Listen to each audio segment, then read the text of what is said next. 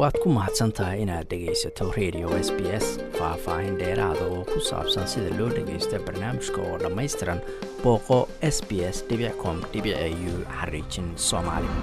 Asalaamu calaykum waraxmatullaahi wabarakaatu ku soo dhawaada barnaamijkan gaarka ah oo idinkaga imanaya magaalada melbourne magacayguna waa xasan jaamac.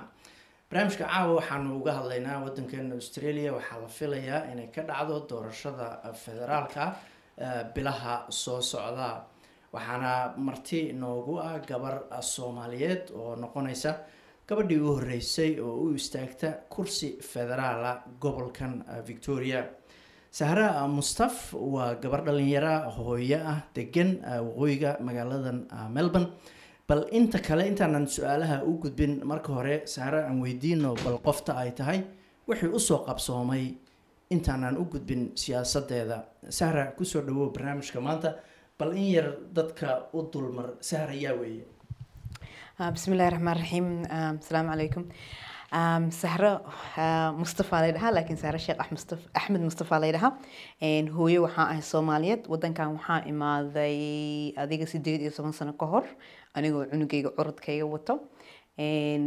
Maxay ahayto oon luqadii bartay dugsi sare aaday waxaan ka qeyb galay oon ku dhex jiray siyaasadda intii say ilmahayga waxbarashada u bilaabeen iskuuladii ayaan ku dhex jiray xaafadda aan deganahay.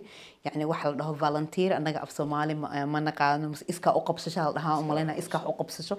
Means yacni waan ku dhex jiray oo shan iyo toban sano ayaan iskaa wax u qabsada aan kula dhex jiray communityga waxaan bartay waxyaabaha la dhaho architectural design oo build environment yacni guryaha iskuulada iyo la dhiso la design gareeyo marka intii toban sano ka badan ayaan ka shaqeynayay industriga areadaasayto maxay ahayto? Yani kambaniyada u waaweyn oo australia ku yaalana u soo shaqeeyay oo dhinaca dhismaha iyo design-ka iyo architect ku saabsan. Marka adiga adiga siyaasadda waxaan ku ahaa maxay ahayto interest sideed sano. Dadkan asxaabta nahayna ay ku jireen. Ama councilka ha noqoto ama state ha noqoto. Yacni waxyaabo badan oo waxaa jira oo go'aamo ay dowladda ka gaarto oo qaldan oon dagaal kula jiray. Marka intana kuma dhalin oo ani dugsi sare waxaan kaga soo baxay. Soomaaliya ayaan kaga soo baxay dugsi sare waa gartay marka dabcan siyaasadaad galaysaa xisbi baad waxaa rabtaa doorashada inaad ka qayb gashid xisbiga liberaalka yaad waqti ka tirsanayd waxaa jira qorsho ah inay kuu xushaan inaad ugu tartantid kursiga jaaga jaaga laakiin taasu ma dhicin sababo awgeed bal adigii xisbiga liberaalka maxayna dhex maray marka horta xisbigan liberaalka wax badan ba ayaa isnaqaano oo xaafadda aan deganahay waa dadka ayaga u badan oo ay degan yihiin way i yaqaaneen ilmaheena ayaa iskuol isla aaday iyo ilmahay awoogu yihiin iyo waxa dhan marka sanadkan bilaawgiisa ayaan ka qayb galay. Bishii afraad ayaan noqday ayaan ka noqday xibinkaba ka noqday. Markaas aan ka noqonayo xibintana waa mar ayaga ii imaadeen ila hadleen ay igu dhaheen qof noo istaaga ma haysanee ma istaagaysaa marka waxaan ku dhahay waa istaagaya. Middan waxaa ka sii horeysay marar badan ay ii imaadeen ay igu dhaheen kaada naga caawi doorashada. Oo marka waxaan ku dhahay doorashada inka caawinayo door ma siinaysaan aniga ama qof anigoo kale inta ii eg. Marka waxay markaasayta way ma aysan rabin inay isiiyaan soomaalidan waxay dhahdaa qofka tag lama dhaho wuxuu ku tagaa la tusiyaa. Marka aniga ayaga waxna naxmare waxay ahayd waxay rabeen qof aniga yacni meeshaan ka imaaday dumar inaa ahay madow ahay muslim ahay hooyo ahay laakiin xaafadina layga yaqaano qof caan aan ka ahay xaafadda qofkaasoo kale waa qofka guuleysan kara markii laga hadlo doorasho ay igu imaadeen.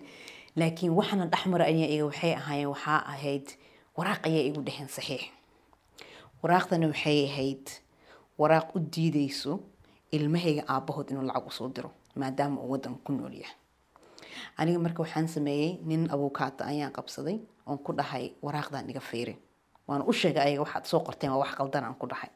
Because inaad dhahdeen in qof oo waalidkiis wax uma soo diri kara waa qalad. Bas marka waxay sameeyeen anigana waxaan la xiriiray hay'addii maamuleysa oo loogu talagalay sharciyadan oo ku saabsan. Hay'addii waxay igu dhaheen sharciga wuu kuu ogolyahay. Ninkii looyarkan wuu ula hadlay email ayuu dir wuxuu ku yidhaahday sharciga ma u diidaya maxaad rabtiin? Marka waxay dhaheen xisbiga ma raba because hadday ogaadaan kuwa naga soo horjeedo waana lagu ataagaraynaya marka kuwa kugu soo horjeeda ma ay dhihi karaan aaba ilmihiis lacag ma u soo diri karo way ku qaldan yihiin.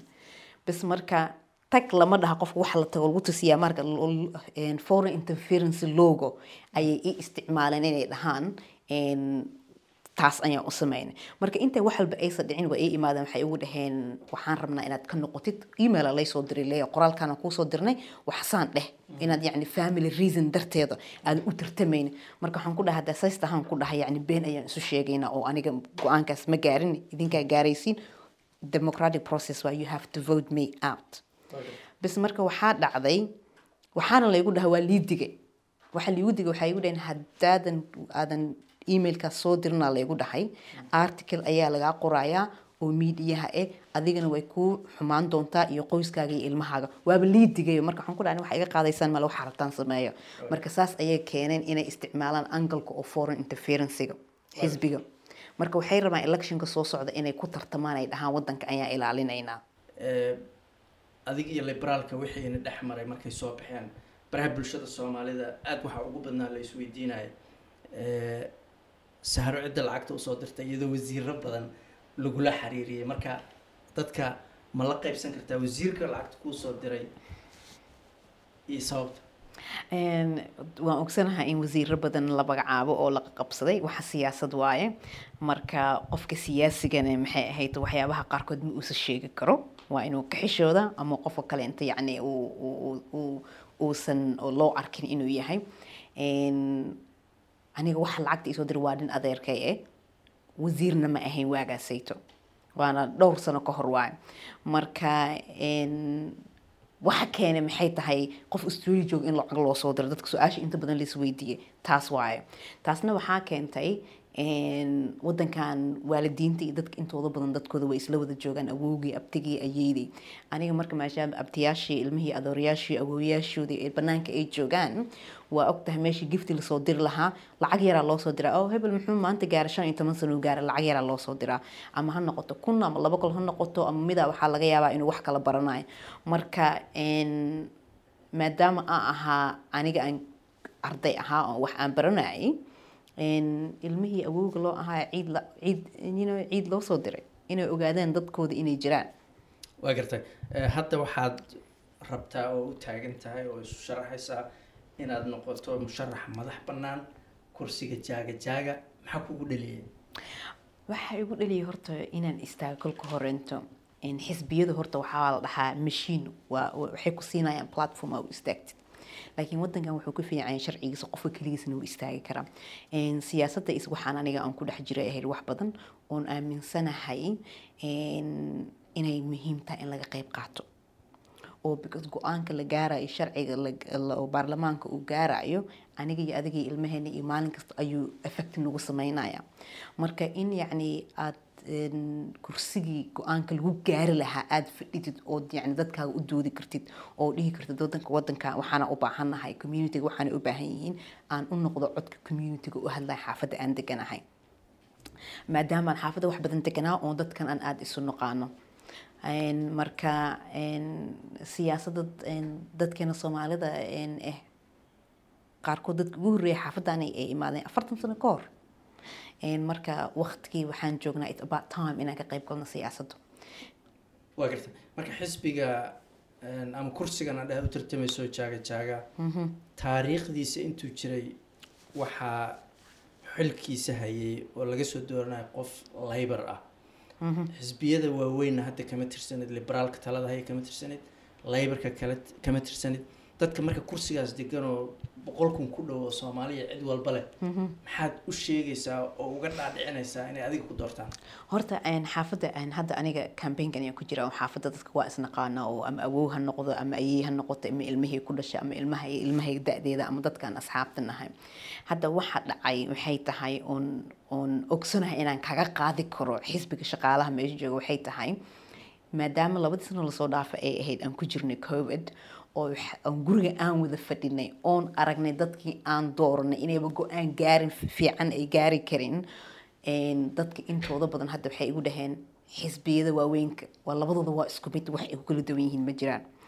Inay u codeeyaan aysan u codeyn ayay u badan tahay doorashada soo socoto. Waxaa kaloo jira waxay tahay australia electionka doorashada soo socoto dadka independent sidaydoo kale ayaa badan. Hadda shan iyo lix qofood oo dumar ah oo madax bannaan ayaan la kulmay course aan sameynaya marka independent canada inay guuleysatay way badan tahay. Waxaa jira seed oo ku yaalla victoria oo la dhahay indi naag dumaraa jirta oo ka ahayd 20 years independent oo ku guuleysatay waxayna ka qaaday naag liberal ayay ka qaaday wax badan ahayd ka tirsanayd. Marka dadkan meesha fadhiyay wax badan dadki waxay ogaadeen inaysan waxba dadka u qabanaynin ay xisbiga ay u joogaan. Laakiin qofku markuu yahay keligiis madax bannaan codkii waxaa tahay dadkii communitygii ayaa tahay. Marka taas ayaa keenaysa inaan ku guuleyso midda kaleento oo tii- ti- tan sii dheer waxay tahay gabadha hadda meesha fadhida way cusub tahay. Saddexdii sano ayay fadhiday. Marka dadki waxay leeyihiin ma aragno islaantii ka horeysa ayada meesha fadhiday islaam waxay ahayd aada loo jeclaa oo charismatic ah marka gabadhanita waxaa la leeyahay maxay ahayd way ku cusub tahay xaafadda dadkana intooda badan ma yaqaanaan. Marka in la istaago oo la isku dayo waxaan ogsanahay aan ku guuleysan karo maadaama aan dadkii aan isnaqaano oo ilmahayga ku korsaday oo ilmahooda xataa aniga aan coach garay basketball markay ciyaarayeen aanan aan ku jiray footy club wax la dhaho aan aan ku dhex jiray. Marka waxay tusinaysaa inaan wadaniyad aan ahay wadankan anaga dhan waan wada imaanay qof walba weelo ka imaaday indigenous unba ayaa iskale yacni inuu qof walba uu wax ka bedeli karo sida wadanka uu yahay.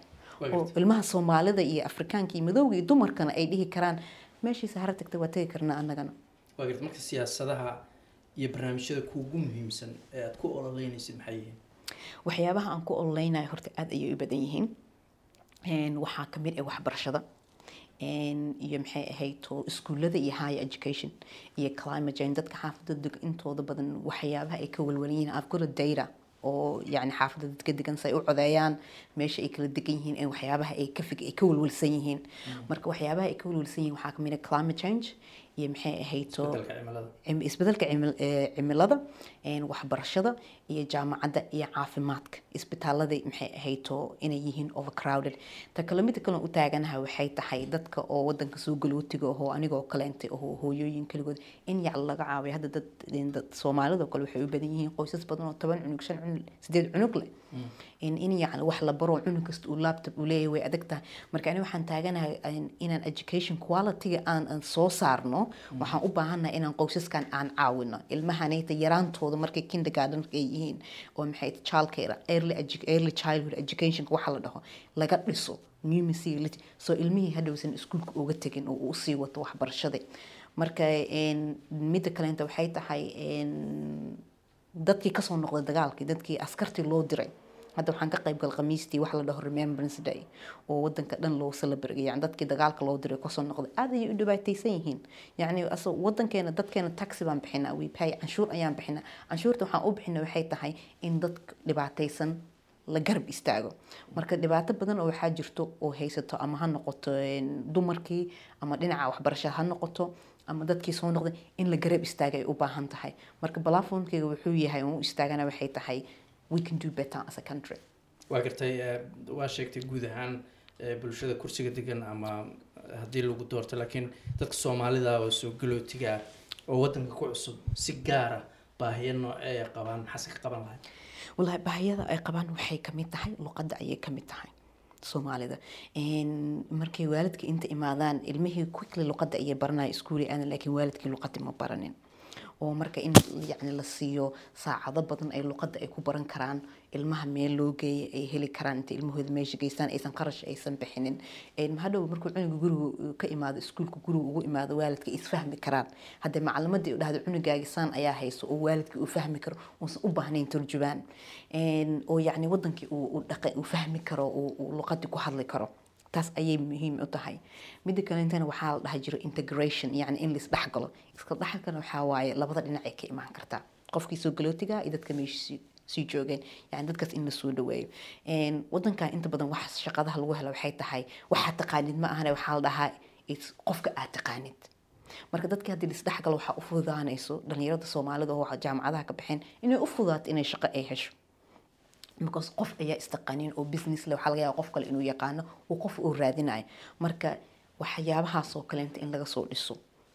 Ugu dambeynta marka soomaalidu australia sidaa sheegtay soddon sano afartan sano ay deganayeen ee, kuraasta gola deegaanka waa loo tartamay gobolka waa loo tartamay. Victoria oo soomaalida ugu badan ay degan tahay waxaad noqonaysaa qofkii ugu horeeyey oo kursi federaala u tartama maxay waqtiga intaas leeg u qaadatay kula tahay oo soomaalidu ay siyaasadda gaar ahaan federaalka hore isugu soo istaagi weydo war horta waxyaabo badanaa jiro kowde Een, dadka horta marka wadanka imaado waa aragtay baarlamaankeena marka u fiiristraya baarlamaanka qof madow ma ku arkaysid marka waxaa la dhahlo jira yani waxaadan arki karin ma gaari kartid. Marka taas ayaa keenayso luqadii ayaa keenayso dhaqankii waxyaabo badanaa keenaya dadkeena inaysan aysan- ka qeybgelin qof walba uu noloshiisa uu ku mashquulsan yahay.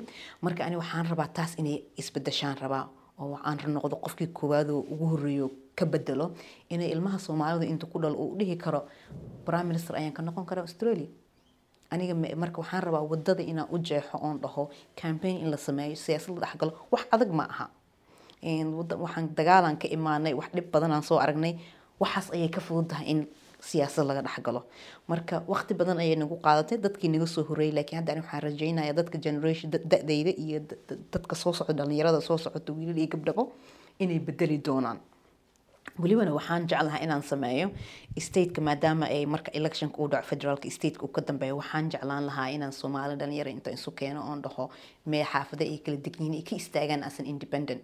Qofka ka independent campaignka yani ma adko waa waa easy waxaa tahay qof aad tahay xisbigu xisbi kuma xirnid because xisbiga markaad ku xiran tahay xisbiga wuxuu ku dhaho waa inaad yeeshaa.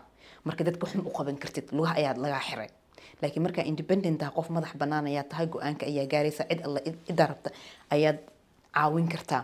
Marka waxaan dhihi lahaa soomaalida waqtigeeni waa imaaday in laga qeyb gala siyaasadda taasina waxay ahayd eh, sahra mustaf oo u taagan ahna musharaxaad u tartamaysa kursiga jaaga jaaga oo ku yaalla magaalada melbourne doorashada federaalka oo la filayo inay dhacdo bilaha soo socda. Waad ku mahadsantahay inaad dhegaysato raadiyaha s b s. Toos u dhegaysa barnaamijka habeenada arbacada iyo jimcada tobanka fiidnimo. Ama kaga soo cesho website-ka iyaga iyo s b s radio app booqo s b s com au xariijin soomaali